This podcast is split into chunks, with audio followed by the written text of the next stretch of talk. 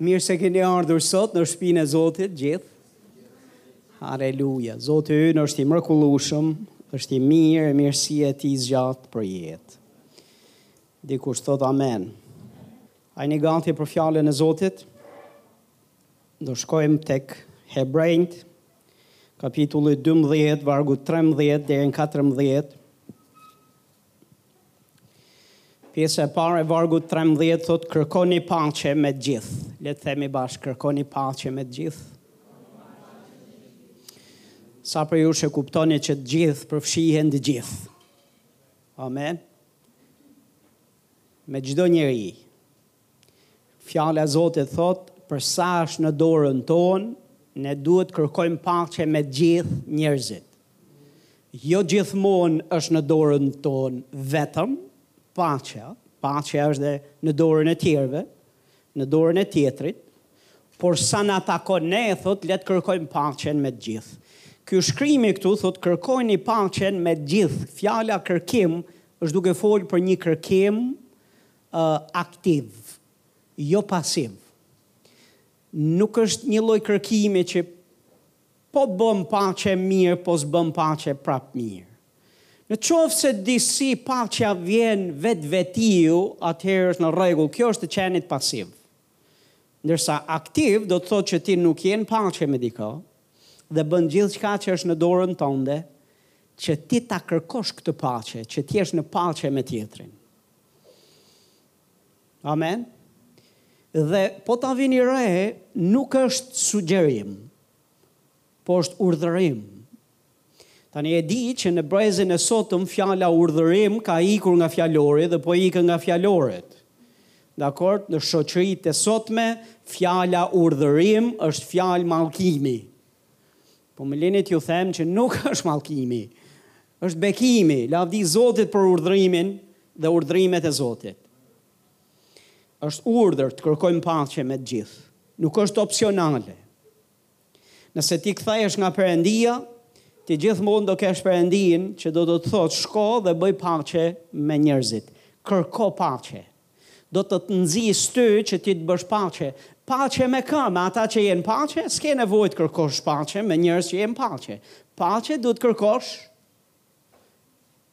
me njerëz të cilët nuk je në paqe. Diçka ka ndodhur. Diçka ka sjell pakënaqësi, diçka ka ofenduar, diçka ka sjell thyrje, diçka ka sjell përplasje, diçka ka lënduar. Dhe për disa prej nesh nuk kemi nevojë që ta kërkojmë gjetiu shumë larg se mund ta kemi nevojën për këtë paqe brenda familjes, brenda marrëdhënies martesore, burrë grua. Mund të jetë prindër fëmijë apo fëmijë prindër. E, s'do ta kërkojmë shumë larg atje në botë, mund ta kërkojmë në kishë, në marrëdhënie me vëllezërit dhe me motrat në Zotin. Dhe duhet ta kërkojmë këtë paqe, sepse për shkak se jemi njerëz dhe kemi dobësi mishi dhe kemi dobësi tona njerëzore, ekziston mundësia që të ketë ndasira, përplasje, ofendime, lëndime që ne ua shkaktojmë tjerëve apo tjerët na i shkaktojnë ne. Për këtë arsye, urdhërohemi që të kërkojmë paqe me të gjithë. Tani ndërkohë që sapo thash këtë, uh, një pjesë e juaja që ishit goxhat përqendruar deri këtu, menjëherë menduat, ça ka dash, ça do Zoti t'na thotë, ça po do pastori t'na thotë tani. Dhe jam i sigurt që fryma e Zotit gjallë, e cila më ka dhënë këtë mesazh, menjëherë ndërkohë që unë jam duke folur, fillon dhe sjell ca ftyra përpara teje.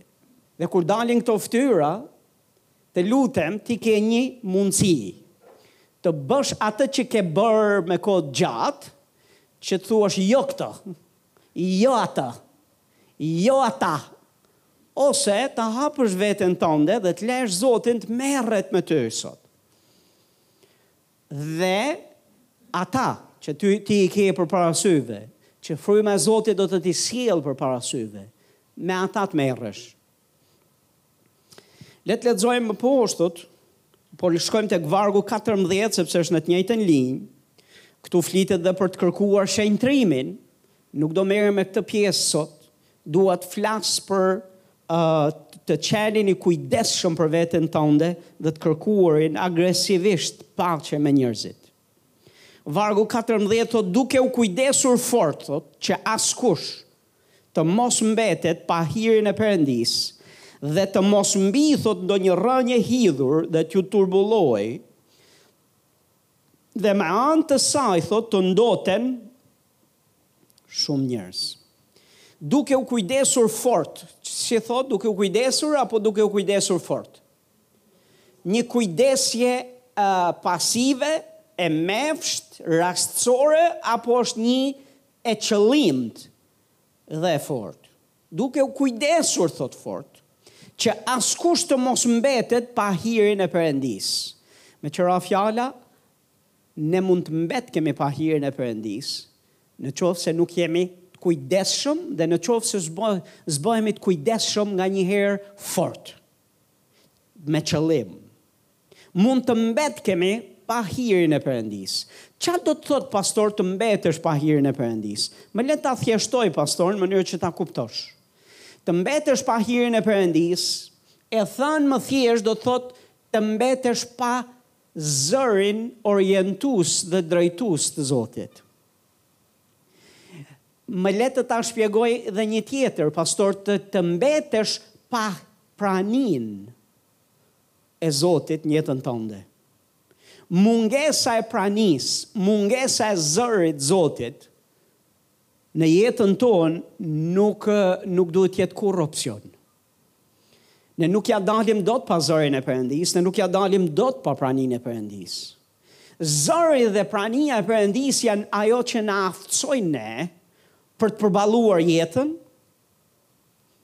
na aftësojnë ne për të përballuar betejat me të ligun, na aftësojnë ne për të mposhtur botën, sistemin e kësaj bote, na aftësojnë ne për të shijuar llojin e jetës që Perëndia ka për ne.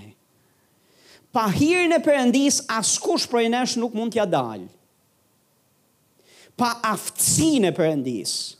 Dhe kjo aftësi e Perëndisë e ke edhe tek zëri i tij, e ke edhe tek prania e tij. Dhe ne duhet të lutemi dhe të jemi të kujdesshëm dhe të kujdesemi agresivisht fort me qëllim që asnjë mos të mbetet pa këtë hir. Asnjë njeri mos të mbetet në kishën e Zotit pa zërin e tij, pa praninë e tij.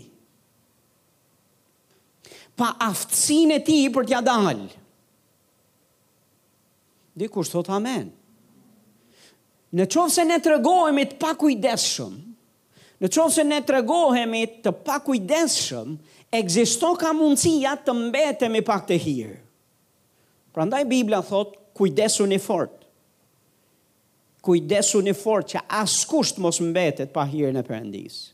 Duhet të kujdesemi që jo vetëm vetë të mos mbetemi pa këtë hir, por sipas këtij shkrimi është që askush, që do të thotë as vëllai as motra jote në Krishtin, të mos mbetet pa hirin e Zotit. Dhe me tjera fjalë, ne duhet të jemi aq shumë, ë, të kemi kaq shumë dallim në frymë sa të kuptojmë kur dikush është duke hec në mish e në aftësi e në forca njerëzore dhe kur dikush është duke rrjedhur në hirin e Perëndisë.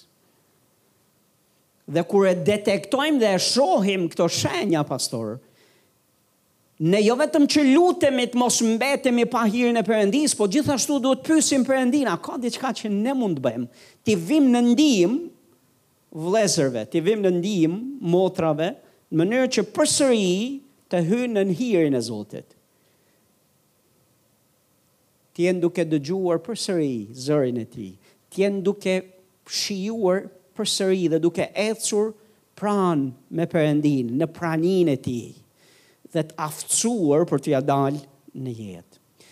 Tani, çfarë na bën, pastor, të dalim jashtë hirit? Çfarë e bën dikënd që të dalë, të mbetet pa hirin e Perëndisë? Ky shkrim na e thotë qartë. Shkrimi thotë se mos mbijë ndonjë rrënjë e hidhur dhe t'ju turbullojë dhe me anë të saj të ndoten shumë njerëz. Nëse e shikon me kujdes, është duke folur këtu thotë që të mos mbijë ndonjë rrënjë e hidhur, por çfarë lloj rrënje të hidhur e ka fjalën këtu? Këtu e ka fjalën në qoftë se e shikon në origjinal është duke thënë që të mos mbijë një rrënjë hidhrimi. se mos mbin në ju një rrënjë hidhrimi, sepse nëse mbin kjo rrënjë hidhrimi, ndotesh edhe vetë, ndoten edhe me anë të saj, thotë do të ndoten edhe shumë të tjerë.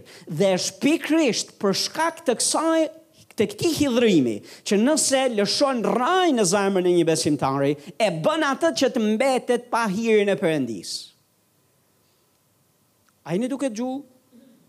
Çfarë e bën një besimtar të mbetet pa këtë hir, të mbetet pa zërin e Zotit, pa manifestimin e pranisë së Perëndisë, pa aftësinë e tij për t'ia dalë, pa aftësinë e tij për t'u përballur me stuhitë e jetës, pa aftësinë e Perëndisë për të shijuar llojin e jetës që ai ka për ne. E bën rrënja e hidhrimit. dhe thotë se mos mbin, sepse po mbiu kjo rrënjë rrënjë e hidhur, nëse mbin kjo rrënjë hidhrimi, kjo rrënjë e hidhrimit është rrënjë e hidhët, që ka për të ndot atë në cilin lind, mbillet dhe provon dhe gjithashtu do të ndotë edhe shumë të tjerë. Hidhrimi jo vetëm që e le tjetrin atë që e ka pa hirin e Perëndisë, por gjithashtu ai bëhet automatikisht shpërndarës. Është e pamundur që ta mbash hidhrimin për vete. Të lënduarit lëndojnë. Të hidhruarit hidhrojnë. A jeni duke gju? Ata të cilët janë të hidhruar përbrenda vetes, hidhrojnë të tjerët. Ata që janë të lënduar për veten e tyre janë ata që lëndojnë të tjerët. Nëse ti je përballur me dikë që të lëndon dhe është i hidhet dhe është i hidhruar me ty, dije që gjasat janë që ka hidhrim përbrenda vetes. Gjasat janë që ka lëndim brenda vetes. Dhe a njeriu i Zotit i bën thirrje kishës dhe i thotë, kërkoni paqen me të gjithë. Marrëdhënia me njerëzit është shumë e rëndësishme në ecjen tonë të besimit. Marrëdhënia me njerëzit, thash, është shumë e rëndësishme në ecjen tonë të besimit. Ne duhet të mësojmë të kemi një ecje të shëndosh me njerëzit në perspektivën e Perëndisë. Dhe marrëdhëniet tona me njerëzit t'i kemi në bazë të parimeve të Perëndisë. Jo në mënyra njerëzore, jo në mënyrat tona, por në mënyrën e Perëndisë. Dhe që të shoqërohesh dhe të jetosh me njerëzit sipas standardeve të Perëndisë, duhet hiri i Zotit në fakt sepse pastor njerëzit kanë dobësi. Njerëzit janë si puna jote. A jeni duke gju, njerëzit kanë dobësi, janë si puna jote dhe janë si puna ime. Dhe është shumë e rëndësishme që të ecim sipas parimeve të Zotit. Le të shohim një histori në Bibël, tek Luka kapitulli 9, vargu 52 deri në 55. Thot dhe dërgoi përpara lajmtarët, Jezusi i dërgoi. Thot dhe këta thot si u nisën, hynë në një fshat të samaritanëve për t'i përgatitur ardhjen Jezusit. Por ata të fshatit, thot, kur nuk deshën ta pranonin. Dhe na thot arsyen pse nuk deshën ta pranonin, thot, sepse ai ecte me fytyrë të drejtuar nga Jeruzalemi. Kjo është arsyeja pse nuk deshën ta pranojnë Jezusin në fshatin në këtë fshat samaritan. Vargu pesëdhjetë e katër thotë, Kur e panë këtë gjë, dishepujt e vet, Jakobi dhe Gjoni thanë, Zot, a do ti që të themi të zbresë zjarr nga qielli dhe t'i përvlojë, ashtu si bëri edhe Elia? Por ai u kthye nga ata dhe i qortoi duke iu thënë, Ju nuk e dini se nga çfarë fryme jeni, sepse Biri i njeriut nuk erdhi për të shkatërruar shpirtrat e njerëzve, por për t'i shpëtuar. Pastaj thotë shkuan në një fshat tjetër. Kjo është një ngjarje dhe një histori shumë e veçantë. Ja ku shohim Jezusin, i cili është i njëjti Jezus që hyri në Nazaret, në vendlindjen e tij, dhe predikimi i tij i parë, po jo veç i pari, gjatë gjithë kohës kudo ku shkoi ai e ripërsëriti këtë mesazh, duke thënë që fryma e Zotit është mbi mua, Ai më ka vajosur për të shëruar zemra të thyera, për të shëruar, për të shpëtuar, për të predikuar ungjillin të varfërve, për të çliruar të shtypurit, për të çliruar përsëri të shtypurit, për t'i dhënë sytë verbërve, për të shpallur vitin e pranishëm të Zotit. Jezusi dha këtë mesazh në Nazaret, në vendlindjen e vet, dhe ky ishte hapi i tij i parë, hapi i tij i parë është hyri në vendlindjen e tij, pse sepse deshi që vendlindasit e tij të merrnin nga kjo vajosje, të merrnin nga kjo fuqi, sepse Jezusi ishte rritur me ta, tridhjetë vjet ishte rreth tyre, Dhe Jezusi aty kishte parë njerëz që janë të shtypur, kishte parë njerëz që janë të varfër, kishte parë njerëz që janë të verbër, kishte parë njerëz të cilët ishin kronikisht të shtypur, kishte parë njerëz të cilët ishin pa hir, pa hirin e Perëndisë. Dhe Jezusi i shtyrë nga dhembshuria dhe dashuria për këta njerëz, sepse i deshi, hyri në Nazaret pikërisht për t'u dhënë atyre atë që ata kishin nevojë. Jezusi nuk foli rastësisht këtë mesazh që foli. Ai e foli sepse besoi se ata njerëz kishin nevojë ta dëgjonin dhe ai e tha atë mesazh sepse Jezusi kishte mbi veten e tij atë që ata kishin nevojë. Por Bibla na thotë që ata nazareasit, bashkëkombasit e tij, u skandalizuan me Jezusin, u ofenduan me Jezusin. Le të themi bashkë, u ofenduan me të. Kjo fjala skandal, u skandalizuan, është u penguan. Nuk e pranuan dot Jezusin si i vajosuri i Perëndisë. si i si Mesia për të cilin ishin duke pritur. Nuk e pranuan dot sepse Bibla thotë u skandalizuan, u ofenduan me Jezusin. Çfarë i ofendoi ata me Jezusin? I ofendoi fakti se ata e panë dhe e kishin parë vetëm në njerëzoren. Dhe thanë, nuk i kemi prindërit e tij, nuk është Jozefi dhe Maria, prindërit e këtij, këtij Jezusi? Nuk i kemi vëllezërit dhe motrat e tij, thotë dhe u skandalizuan dhe thonin, nga i vijnë atij të gjitha këto që është duke folur. Dhe thotë u skandalizuan me Jezusin, nuk besuan. Dhe për shkak të kësaj, pastor, Bibla thotë që Jezusi nuk mundi për shkak të mosbesimit të tyre, thotë nuk mundi për shkak të këtij skandalizimi, për shkak të këtij ofendimi, sepse u ofenduan me Jezusin, nuk mundën që të merrnin nga ai hir, të merrnin nga ajo vajosje, të merrnin nga ajo lavdi që ishte mbi Jezusin. Prandaj Bibla aty na thotë që Jezusi aty nuk mundi, jo nuk deshi.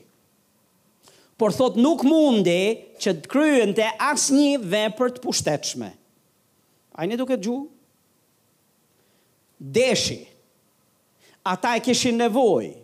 Jezusi kishte çfarë ata kishin nevojë. Po kush u bë pengesë dhe kush i bëri ata që të mbeteshin pa këtë hir që ishte mbi Jezusin? Ishte ofendimi i tyre. Dhe çfarë bëri Jezusi? Jezusi e thelloi dhe e ekspozoi në fakt ofendimin e tyre akoma më tepër.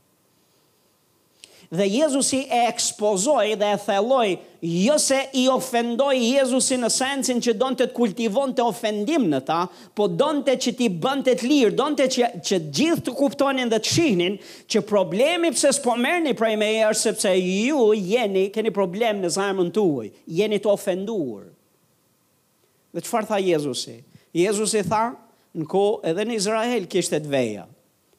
Edhe në Izrael kishte uh, lebroz, si në kohën e Namanit, apo në kohën e gruas nga Sarepta, që ishte e ve, thotë, kishte të veja thotë dhe në Izrael, por profet, të dy profetët e Zotit, Elia dhe Eliseu, u dërguan jashtë Izraelit.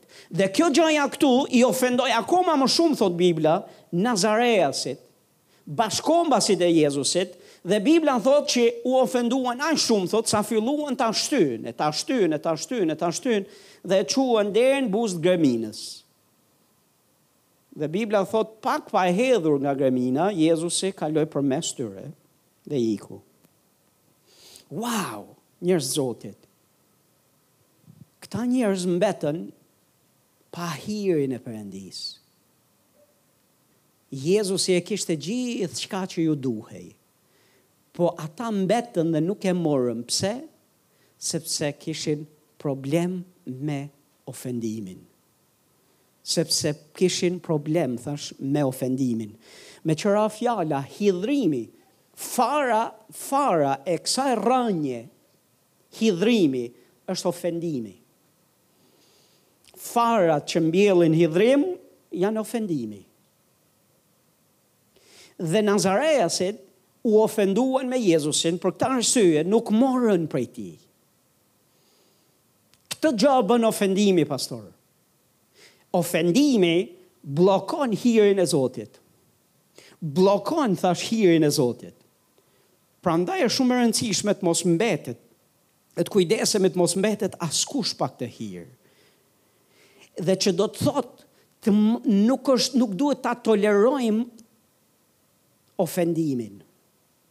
dhe aq ma tepër të kalojmë deri në hidhërim, sepse në këtë mënyrë mbetemi pa hir.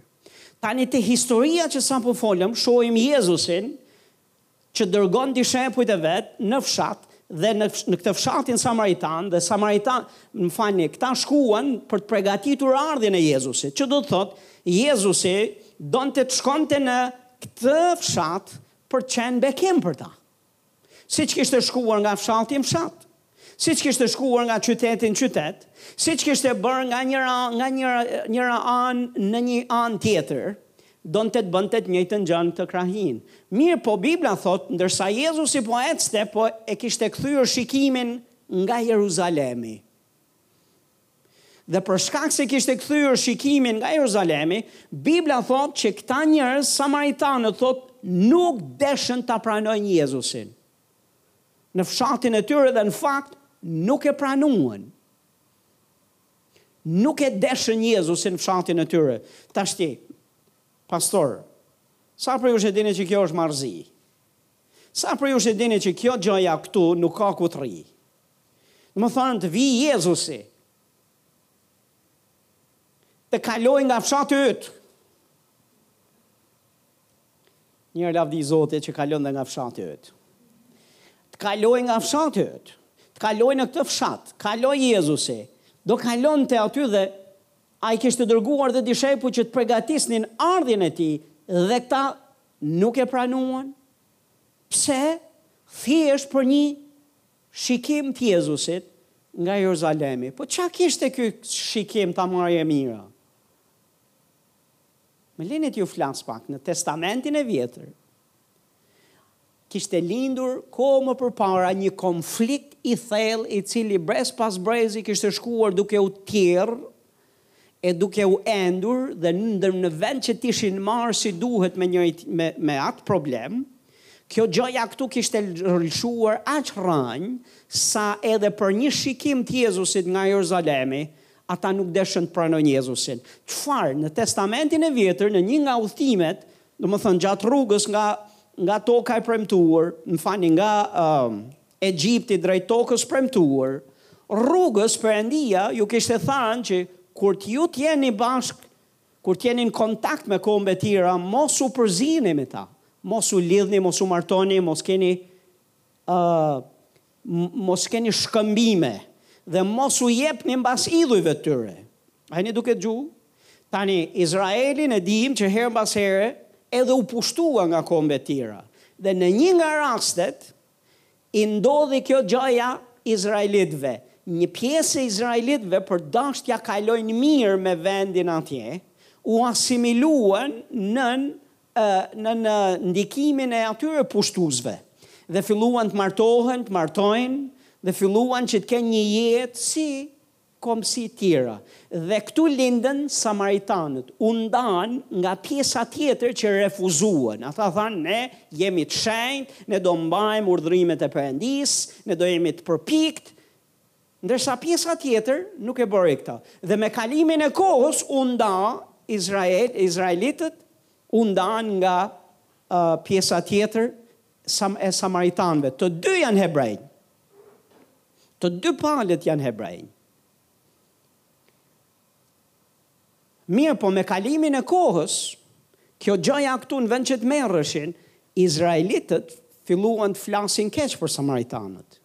Silleshin keq me samaritanët.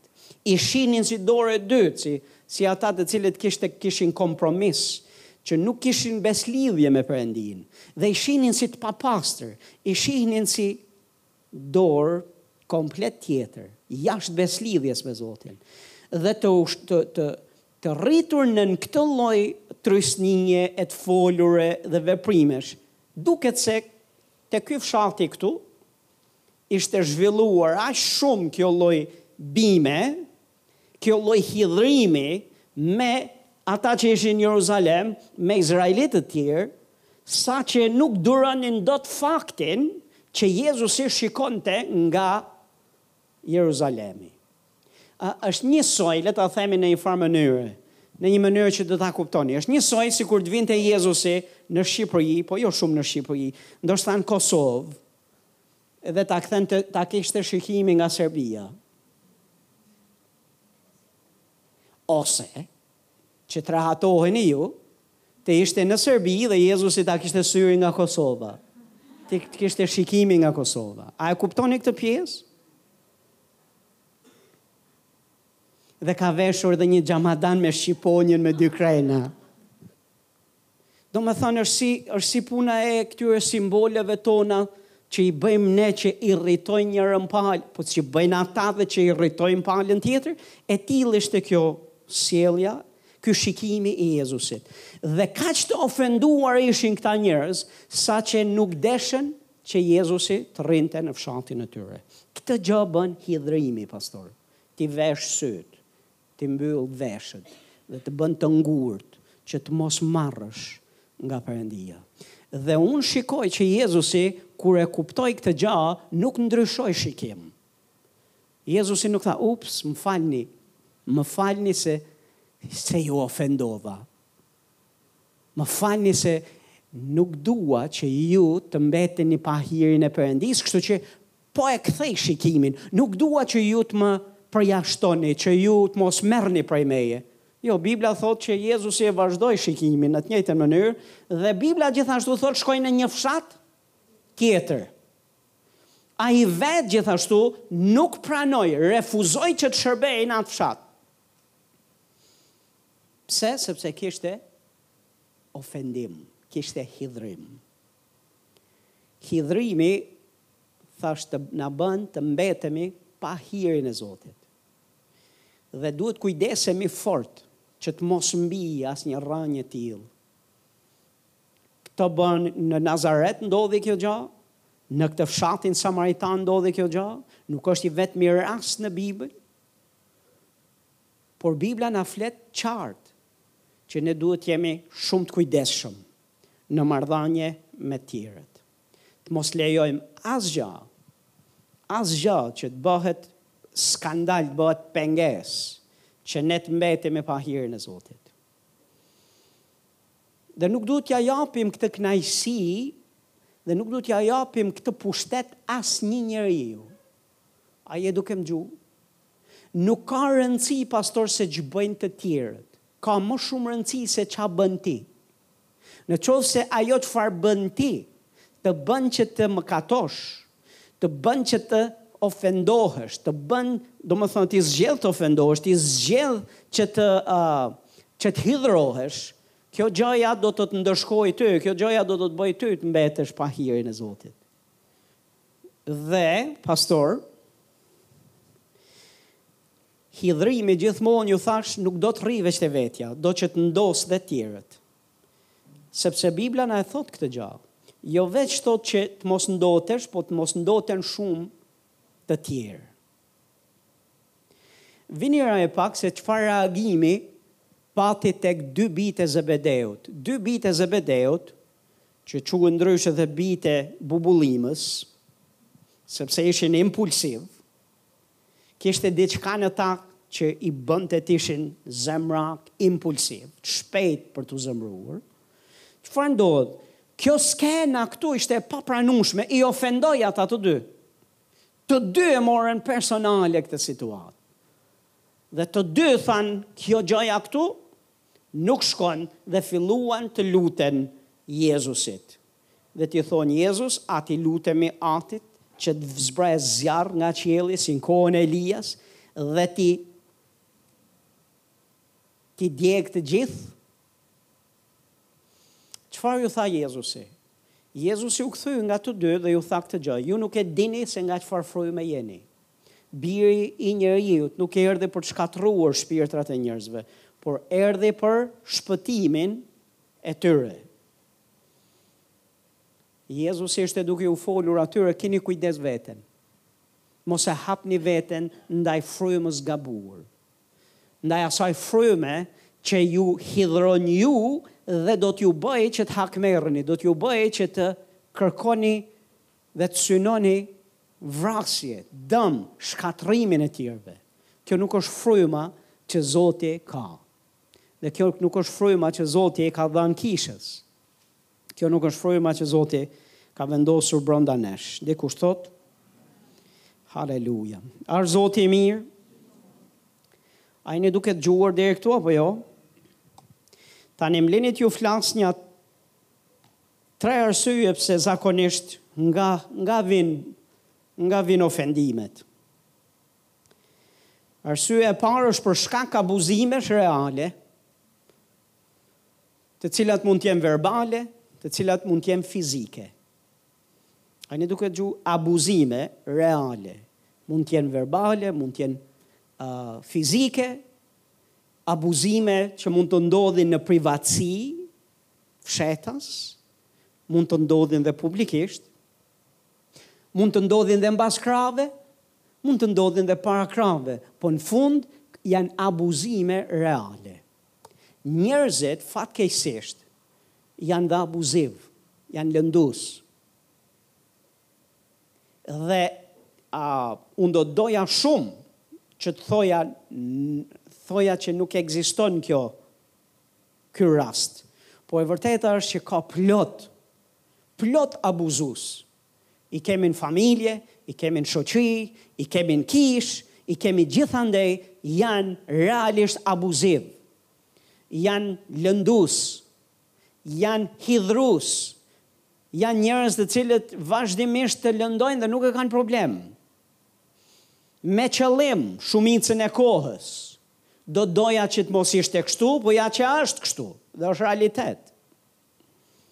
Dhe nga vjen pastaj lëndimi, nga vjen e, of, të qenit i ofenduar apo i hidhruar. Burimin e ka këtu. Nga këtu vjen, kjo është një burim. Një burim tjetër, pastor, është Janë keqkuptimet. Kjo, me aq sa unë di, kam dëgjuar dhe parë në kaq vite, kam parë që shumë herë lëndimet dhe hidhërimet që njerëzit mbajnë mbi vete janë tërësisht, shumë herë thash, për shkak keqkuptimesh. Dhe kur flasim për keqkuptime, për ngjarje ose fjalë të cilat keqinterpretohen, hamendësohen, paragjykohen, paragjykimi, hamendësimi, janë problem i madh pastor. Dhe njerëzit, thash, një nga burimet janë keqkuptimet. Nuk e bën me qëllim. Nuk ke dashur të thuash. Nuk ke bërë një veprim që është dukur ashtu dhe ta ka marrë tjetri. Por arsyeja pse tjetri është lënduar, është ofenduar, do të gjejësh që ka plot raste që të janë keqpërdorur fjalët, të janë keqpërdorur veprimet. Sepse është dukur ashtu, sepse është hamendësuar se ke dashur të thuash, është hamendësuar se ke dashur të bësh. Është paragjykuar. A ju ka ndodhur ndonjëherë që të jeni duke fol me dikë dhe është i lënduar dhe i ofenduar dhe ti thua një gjë dhe tjetri ta merr komplet në krah tjetër.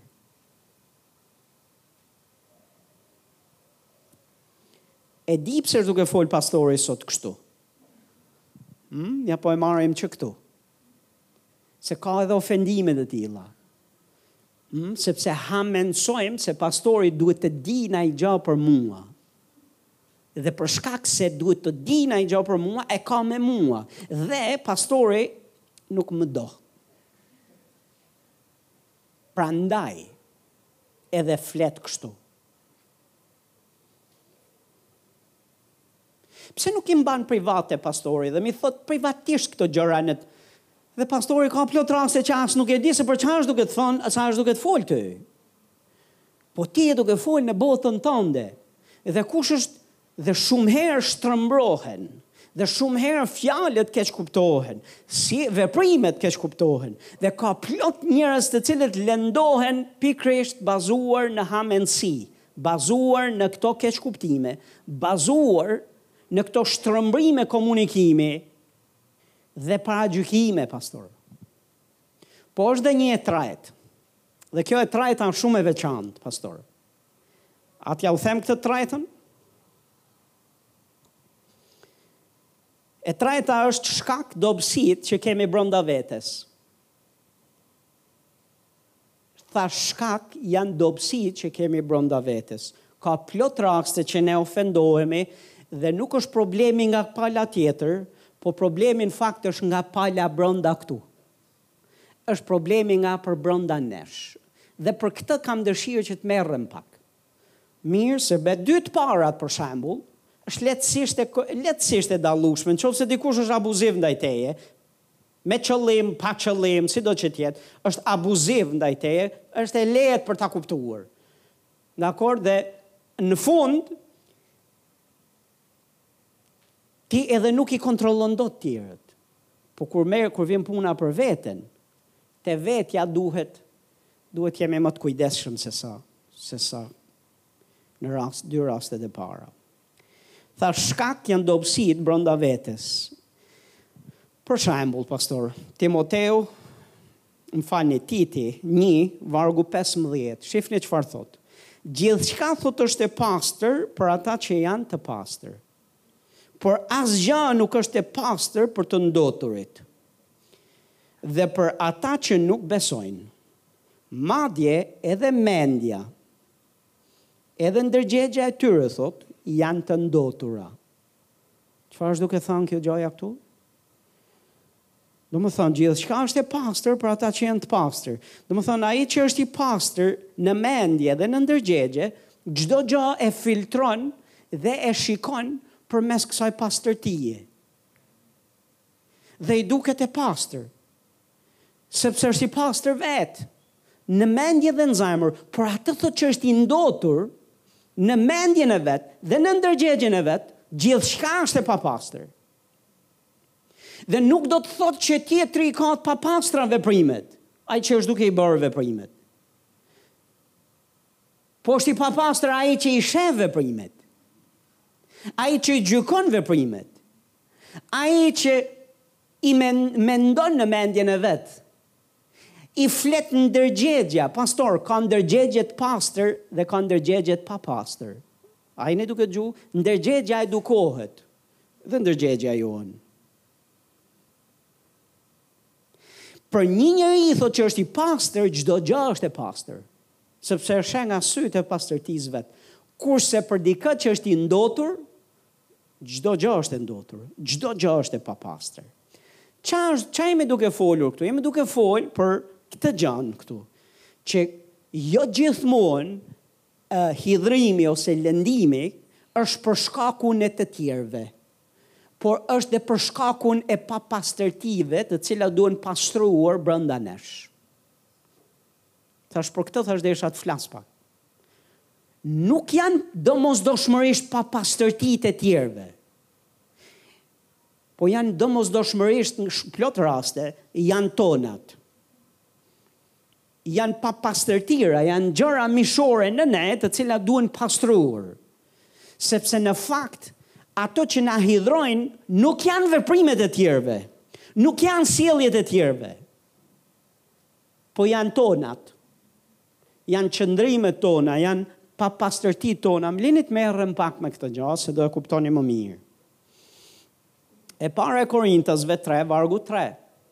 Thotë në fakt, sepse midis jush, thotë, ka smirë, ka grindje dhe përçarje, a nuk jeni të mishit dhe në, a nuk ecni sipas mënyrës së njerëzve? Pali është duke i folur kishës së korintasve dhe është duke i thënë që për shkak se ka smirë. Sa për ju që dini çfarë është smira? Hmm? Kush ma thotë dikush? Zili, xhelozi. Smirë, domethënë ti, e ke problem, suksesin e tjetrit. Ëh, e ke problem gjënë e tjetrit. Ke problem shkëlqimin e tjetrit. Ok, thotë në fakt, sepse midis jush ka xhelozi, smirë, grindje dhe përçarje, a nuk jeni të mishit dhe a nuk ecni sipas mënyrës së njerëzve, që do të thotë, për njerëzit është normale. Dhe mënyra e njerëzore e njerëzve, zakonisht njerëzore, është që nuk është problem që të jenë smirëzinj, të jenë xhelozë. Është pjesë e natyrës njerëzore. Edhe grindja, edhe përçarja, fundja e fundit, çfarë problemi ka të grindemi? Çfarë problemi ka të përçahemi? Çfarë pro... Madje janë janë disa vëllezër të cilët Zoti i bekoftë shumë. Më lini pak t'ju them, janë ca njerëz të zjarrtë në debate. Mbarojnë për debate të zjarrta. Në fakt janë grindje. Mbarojnë për pak grindje. Mbarojnë për pak ngritje zëri. Mbarojnë për pak Dhe kjo thotë është mënyrë njerëzore dhe është për shkak të mishit. Galatasit pesë, vargu njëzet e katër thotë dhe ata që janë të Krishtit e kanë kryqëzuar mishin bashkë me pasionet dhe lakmitë e tij. Domethënë mishi ynë, natyra njerëzore paska lakmi dhe paska pasione, paska dëshira. Vargu njëzet e pesë thotë, në qoftë se rrojmë në frymë, në frymë edhe duhet të ecim. Vargu njëzet e gjashtë thotë, le të mos jemi mburravec, duke provokuar dhe duke pasur smir njëri tjetrin. Le të mos jemi çfarë? Domethënë, ekzistoka mundësia që t'jesh mburravec, ekzistoka mundësia që t'jesh grindavec, egzisto ka mundësia që t'jesh, t'jesh uh, smirëzi dhe xheloz, apo jo? Dhe këto janë Pasione mishore. Po më ler të të them një gjë, nëse i kultivon dhe i lejon këto, do të të shkatërrojnë ty, martesën, familjen, biznesin, kishën, jetën. Ne jemi duke folur dhe jemi duke i mësuar këto gjëra dhe jemi duke i marrë edhe pak me të qeshur. Po më lini t'ju them, janë realisht nga ato pasione që duhen kryqëzuar, duhen gozhduar. Nuk duhen kultivuar.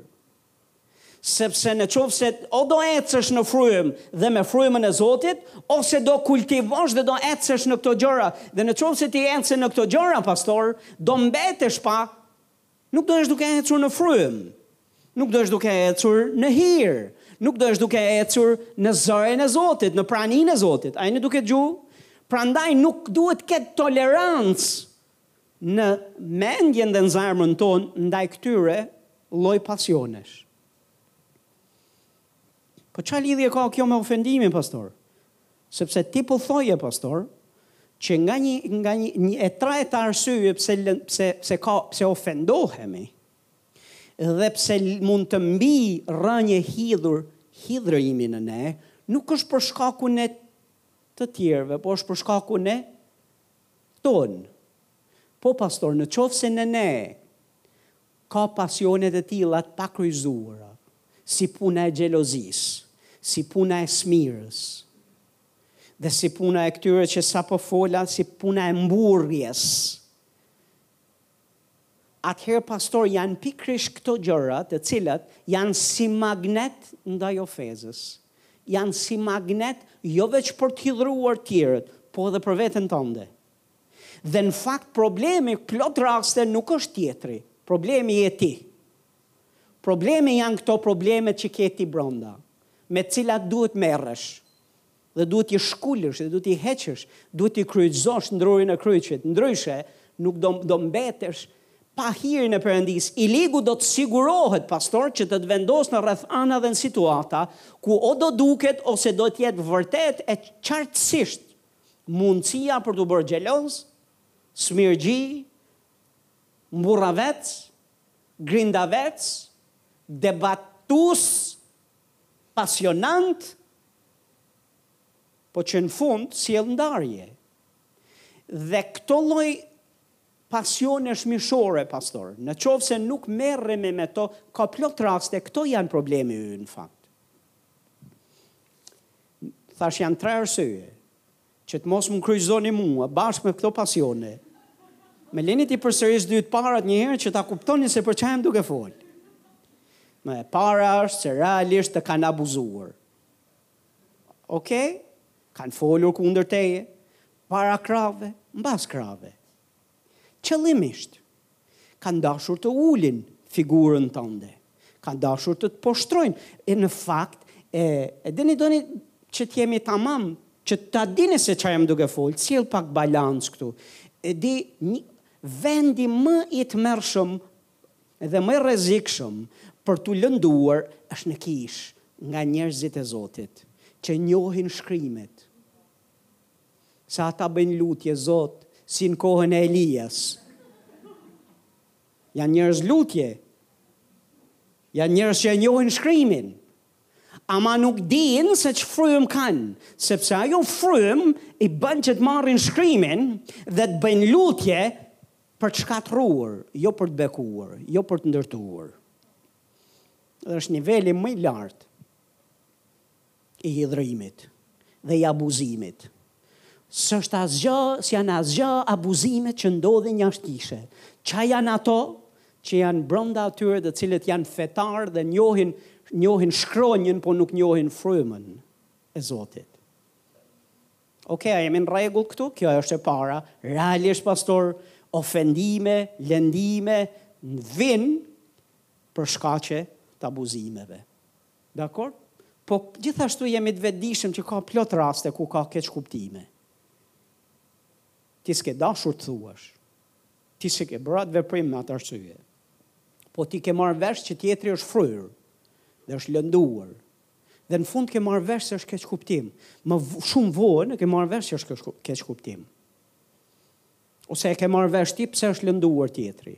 Më lini t'ju jap një rast që ta kuptoni që më ka ndodhur edhe mua. Në rregull. Në dy mijë e dhjetë, pastor, Perëndia foli një mesazh të fuqishëm për Shqipërinë. Shqipëria do të thirret me emrin e Zotit. Dhe Zoti më tha shkruaj një revistë, Shqipëria thirret me emrin e Zotit dhe t'jua çoj çdo pastori dhe çdo kishe në Shqipëri. bashkë me mesazhin që Zoti e kishte dhënë për kishën. Dhe e bëra këtë gjë në bindje ndaj Zotit. Pak kohë më herët, se sa ky moment, isha ftuar, isha ftuar në një, uh, në një vend ku ishte një grup pastorësh, dhe isha ftuar nga një mik i imi që të jepja një mesazh nga fjala e Zotit për nderim të atij të atij takimi. Kështu që lidhja ime me këtë vëlla ishte e fortë. Dhe lidhja ime është e vërtetë e shëndetshme. Tani çfarë ndodhi me kalimin e kohës? Me kalimin e kohës Zoti tha duhet që të bësh dhe një takim tek tenda e e cirkut në Tiranë, e mbani mend ju edhe këtë? Një pjesë e juaja keni qenë pjesë. Shkoj si shkoj atje, ai vlla i çmuar ishte aty bashkë me shumë të tjerë, po ai vllai aty ishte aty. Tani kishte ca vëllezër që nuk ishin aty. Kishte ca vëllezër të cilët ishin kundra këtij mesazhi. Po kishte edhe ca vëllezër, të cilët kishin i kishin hypur kalit mbrapsht, kishin marrë revistën në dorë dhe shkonin nga kisha në kishë duke thënë që kjo fjalë, ky mesazh nuk është nga Zoti. A jeni duke dëgjuar? Tani unë e marr vesh gjithë këtë situatë se ça ishte duke ndodhur atje jashtë. Mirëpo një ditë, bashkë me bashkëshorten time, ishim ulur me një grup pastorësh dhe duke ngrënë dhe duke kaluar kohë miqësie me njëri tjetrin, më thot njëri nga këta pastorët, më thot e di se ç'ka ndodhur një gjë, një gjë shumë e e e veçantë. Thash çfarë ka ndodhur? Më thot filan pastor. Dhe ky filan pastor ishte miku im. Që ju thash më kishte ftuar atje, kishte ardhur në takime bashkë me mua, besonte mesazhin dhe fjalën që kisha folur unë dhe i sjell për trupin, thot e di ça ka ndodhur, thot, ai thot në kishën e tij, ka marrë, i ka hapur kishën dhe Gjithë një grup ma shumë edhe shkollën e biblës e ka hapur për filan pastor thotë që ka ardhur dhe ka ardhur ka hapur revistën ai pastor dhe ka hapur revistën Shqipëria thirret me emrin e Zotit dhe ka qenë duke i folur gjithë grupit dhe gjithë kishës për gjitha të metat e këtij mesazhi në kishën e filanit te kisha e këtij pastori Thashë, wow! Është e drejta e, e gjithkujt, ta besojë ose mos ta besojë.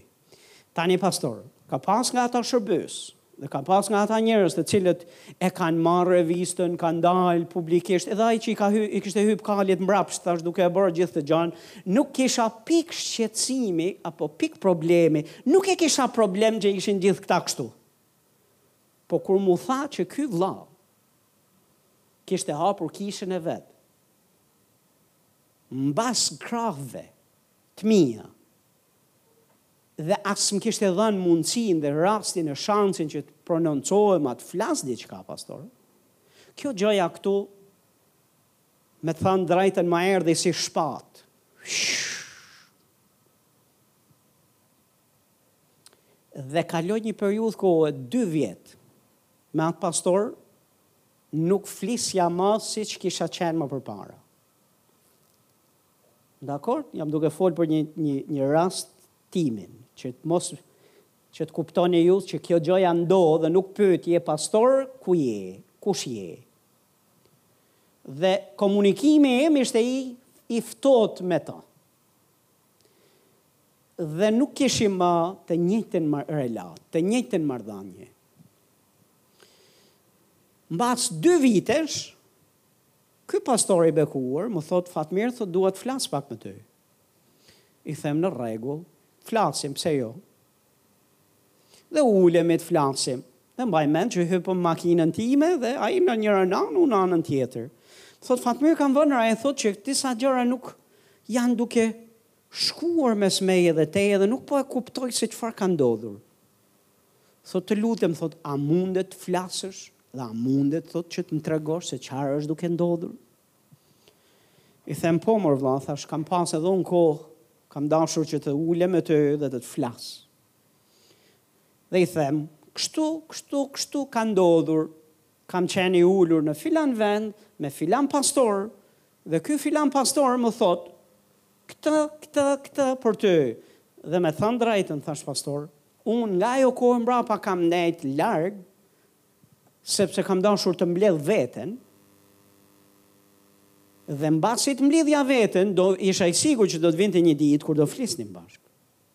Më thotë Fatmir, wow. Me të vërtetë është kështu. Thash kështu është. Më thotë më ler të të them një gjë, thotë.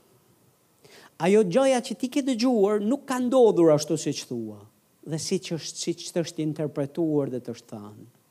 Kjo gjëja këtu thot nuk ka ndodhur në kishën time njërë në radh, në radhë të parë, sepse unë s'do ta lejoja kurrë që të ndodhte në kishën time. Në radhë të dytë, thot kjo gjëja që thua ti ka ndodhur në filan vend dhe më tregon një qytet komplet tjetër, thot në kishën e filan pastori, thot dhe unë duke qenë i lidhur me, me këtë grup njerëzish, thot kam qëndruar dhe ju kam thanë keni bërë gabim të rëndë, gabim, gabim të madh. që ju e keni hap veten tuaj ndaj kësaj gjëje, sepse kjo gjëja këtu është e padrejtë dhe është anormale që të ndodhë në këtë, as etike, as normale që ne të dëgjojmë këtë lloj versioni kur s'po dëgjojmë as versionin tjetër. Thotë dhe Fatmir thotë në fakt unë kam qenë me kohë kam qenë vetë kundër këtij veprimi. Thotë dhe tani Dilka thotë që Unë kam hap kishën time dhe unë kam qenë pro kësaj. Thotë dhe ky pastor e ka thënë këtë gjë.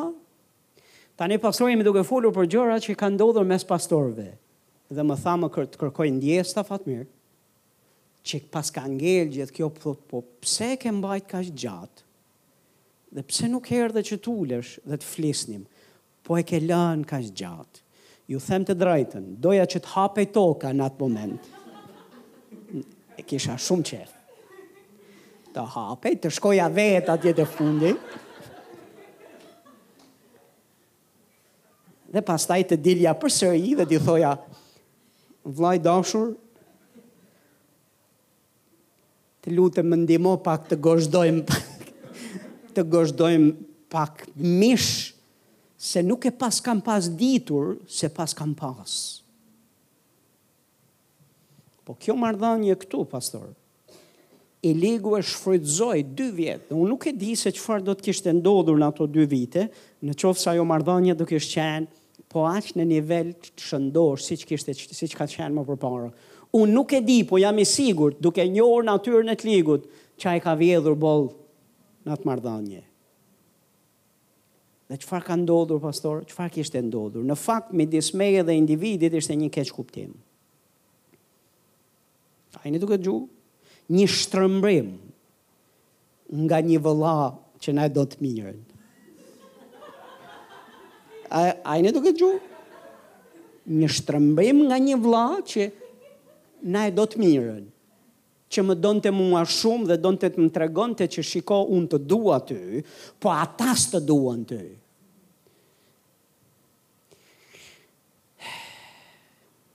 Dhe problemi është në fakt që ai vëllai që na e donte të mirën, kishte ca probleme me veten apo jo? Kishte ca probleme, në qoftë se kërkon pak më thellë, është që kishte ca probleme me veten. Dhe Bibla thot kush shti grindje mes vllezërve, flet Bibla për këtë gjë. Dhe nuk flet mirë. Tashti le të kthehemi te pika e tretë, edhe një herë. Shkojmë te pika e tretë se ju ka ngec këtu dhe s'ka shku akoma poshtë. Se kur na abuzojnë e dim, se gjithashtu edhe kur ndodhin keqkuptime, okej, okay, dalin në sipërfaqe nëse komunikojmë dhe do të flasim një herë tjetër si të merremi me to, si të merremi si t'i rezistojmë ofendimit dhe si edhe hidhërimit. Po tani dua të flas pak për këtë të tretën. Në Bibël flitet gjithashtu tek e para e Gjonit kapitulli 3 do lexoj këto vargje. Kemi ardhur drejt fundit që që të jeni edhe ju të qetë. Vargu dhjetë thotë, Prej kësaj njihen bijtë e Perëndisë dhe bijtë e djallit. Woow, pse i njohim këta? Po po thotë, i njohim, kushdo që nuk praktikon drejtësinë, nuk është nga Perëndia. Që do të thotë, kushdo që me zgjedhjen e vet të lirë, Me sy hap ka zgjedhur, e ka nda mendjen, që unë nuk praktikoj drejtësinë, atë që është e drejtë në sytë e Zotit, nuk praktikoj mënyrën e Perëndisë, nuk është nga Perëndia. Të gjithë ata që kanë natyrën e Perëndisë dhe janë të Perëndisë, e duan mënyrën e Tij, e duan fjalën e Tij dhe duan të praktikojnë fjalën e tij. Tani ka plot raste që ju duket e vështirë dhe ka plot raste që uh, nuk dinë ndoshta se si ta praktikojnë, por nuk ju mungon dëshira për të bërë atë që Zotit i pëlqen. Të rilindurit. Ata që s'janë të rilindur, janë krejt ndryshe. Sepse na e thot, dhe i tillë nuk është ai, thot, dhe i tillë nuk është ai Nuk është ai as që nuk e do vllain e vet. Që do të thotë nuk qenka, qenka nga Perëndia ai që s'ka dashuri për vllain e vet. Në rregull? Domethënë, si mund ta njohim dikë është nga Perëndia apo jo? Shife, sa dashuri ka për vëllezërit. Jo për vllain që ka në mish, po për vëllezërit në familjen e Zotit.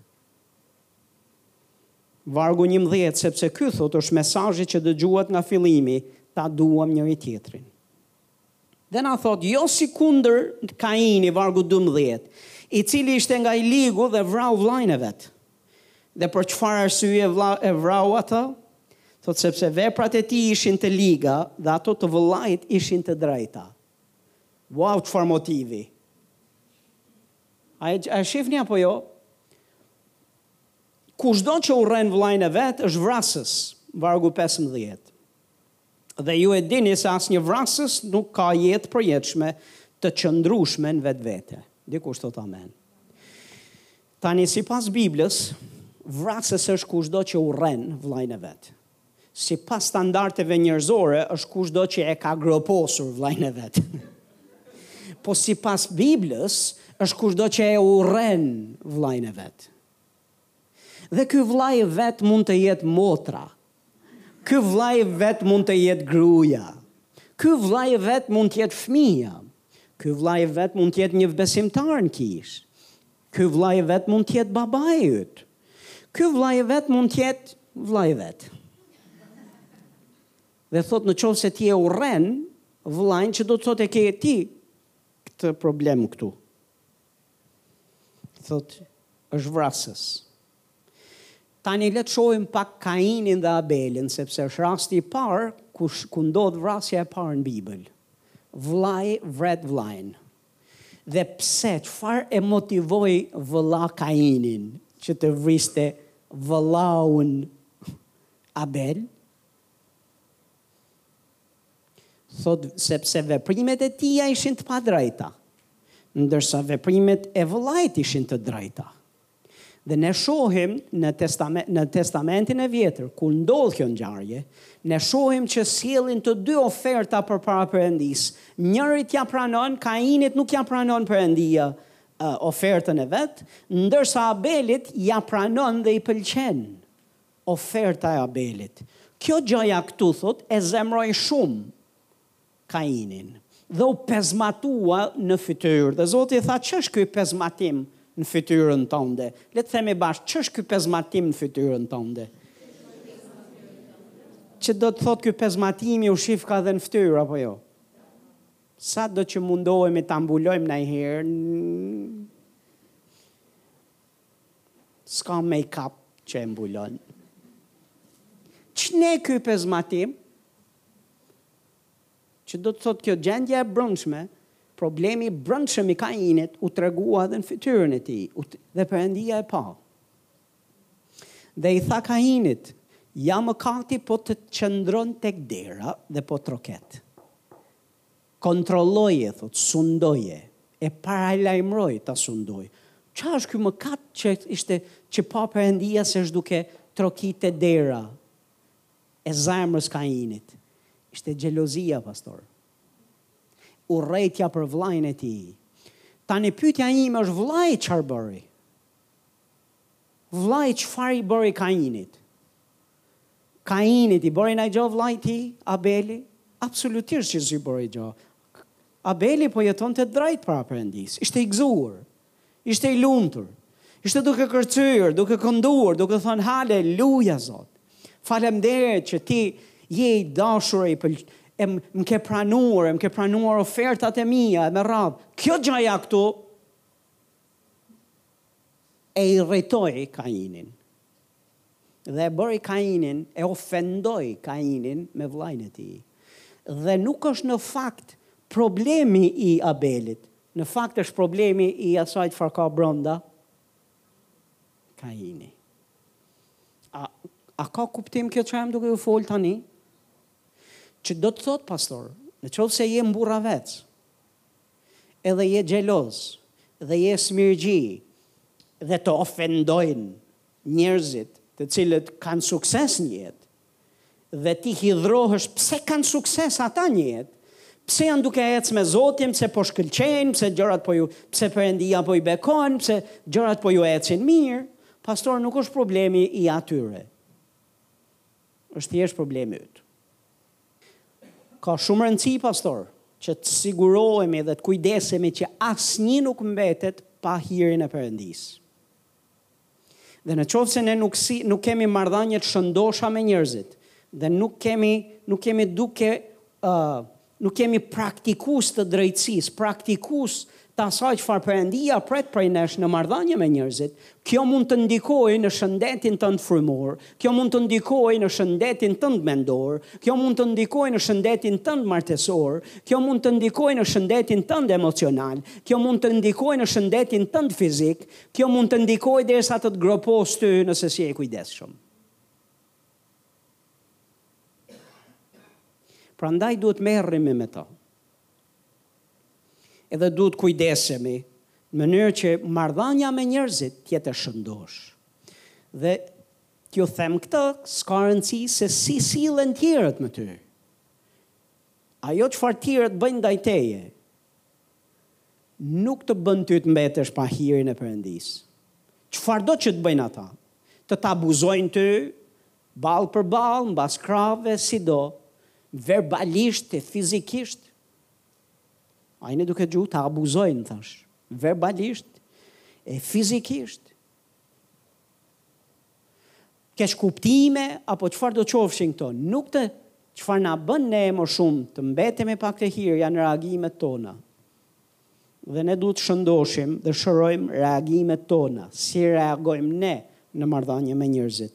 Dhe në këtë mënyrë do kujdesemi për veten e në këtë mënyrë do, nuk do mbetemi pa hirin e Perëndisë. Tre thash janë mënyrat ose rrugët nga vin abuzimet. E para janë shkak abuzimesh reale që ndodhin dhe që duhet dimë se si të përballemi me to. Shkak janë keqkuptimet, vijnë që andej dhe duhet dim si të merremi edhe me këto keqkuptime. Dhe shkak janë dobësit tona, dobësit brënda vetes. Dhe me këto duhet dim si të merremi me këto u morëm pak. Duhen kryqëzuar, pastor. Amen. Thjesht duhet t'i kryqëzosh. Dakord, duhet t'i kryqëzosh, nuk duhet të hidhrohesh. Nuk duhet të ofendohesh me suksesin e tjerëve. Amen, me gjërat e bekuara dhe gjërat e me jetën e tjerëve. Mos u ofendo. Nga i vijnë këtij këto? Haleluja. A është Zoti ynë i mirë? Le të ngrihemi në këmbë. Haleluja. Haleluja. E mbaj mend një herë në në kishën ku kemi pas qenë. Kishim një brez më para nesh. Që kishin qenë në kishë para nesh. Dhe ata ka kishin rol drejtus në kishë. A jeni duke dëgju, kishin rol drejtimi në kishë.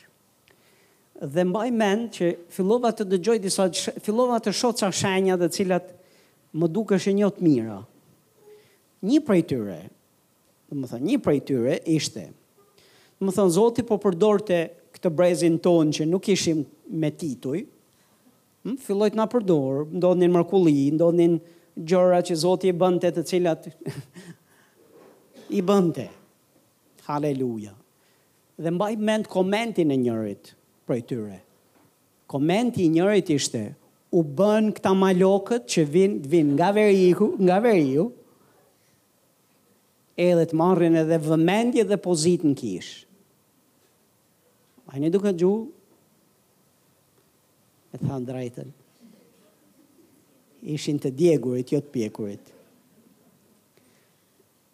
dhe gjëra të kësaj natyre, pastor, uh, në qoftë se do hyja në detaje, sot janë jashtë kishe. Sot janë jashtë kishe, për shkaqe të këtyre të cilat jam duke folë. Sepse ofendimi e bën këtë gjë. Lëndimi e bën këtë gjë. Dhe ne duhet të mësojmë të ruhemi. Dikush të thotë amen.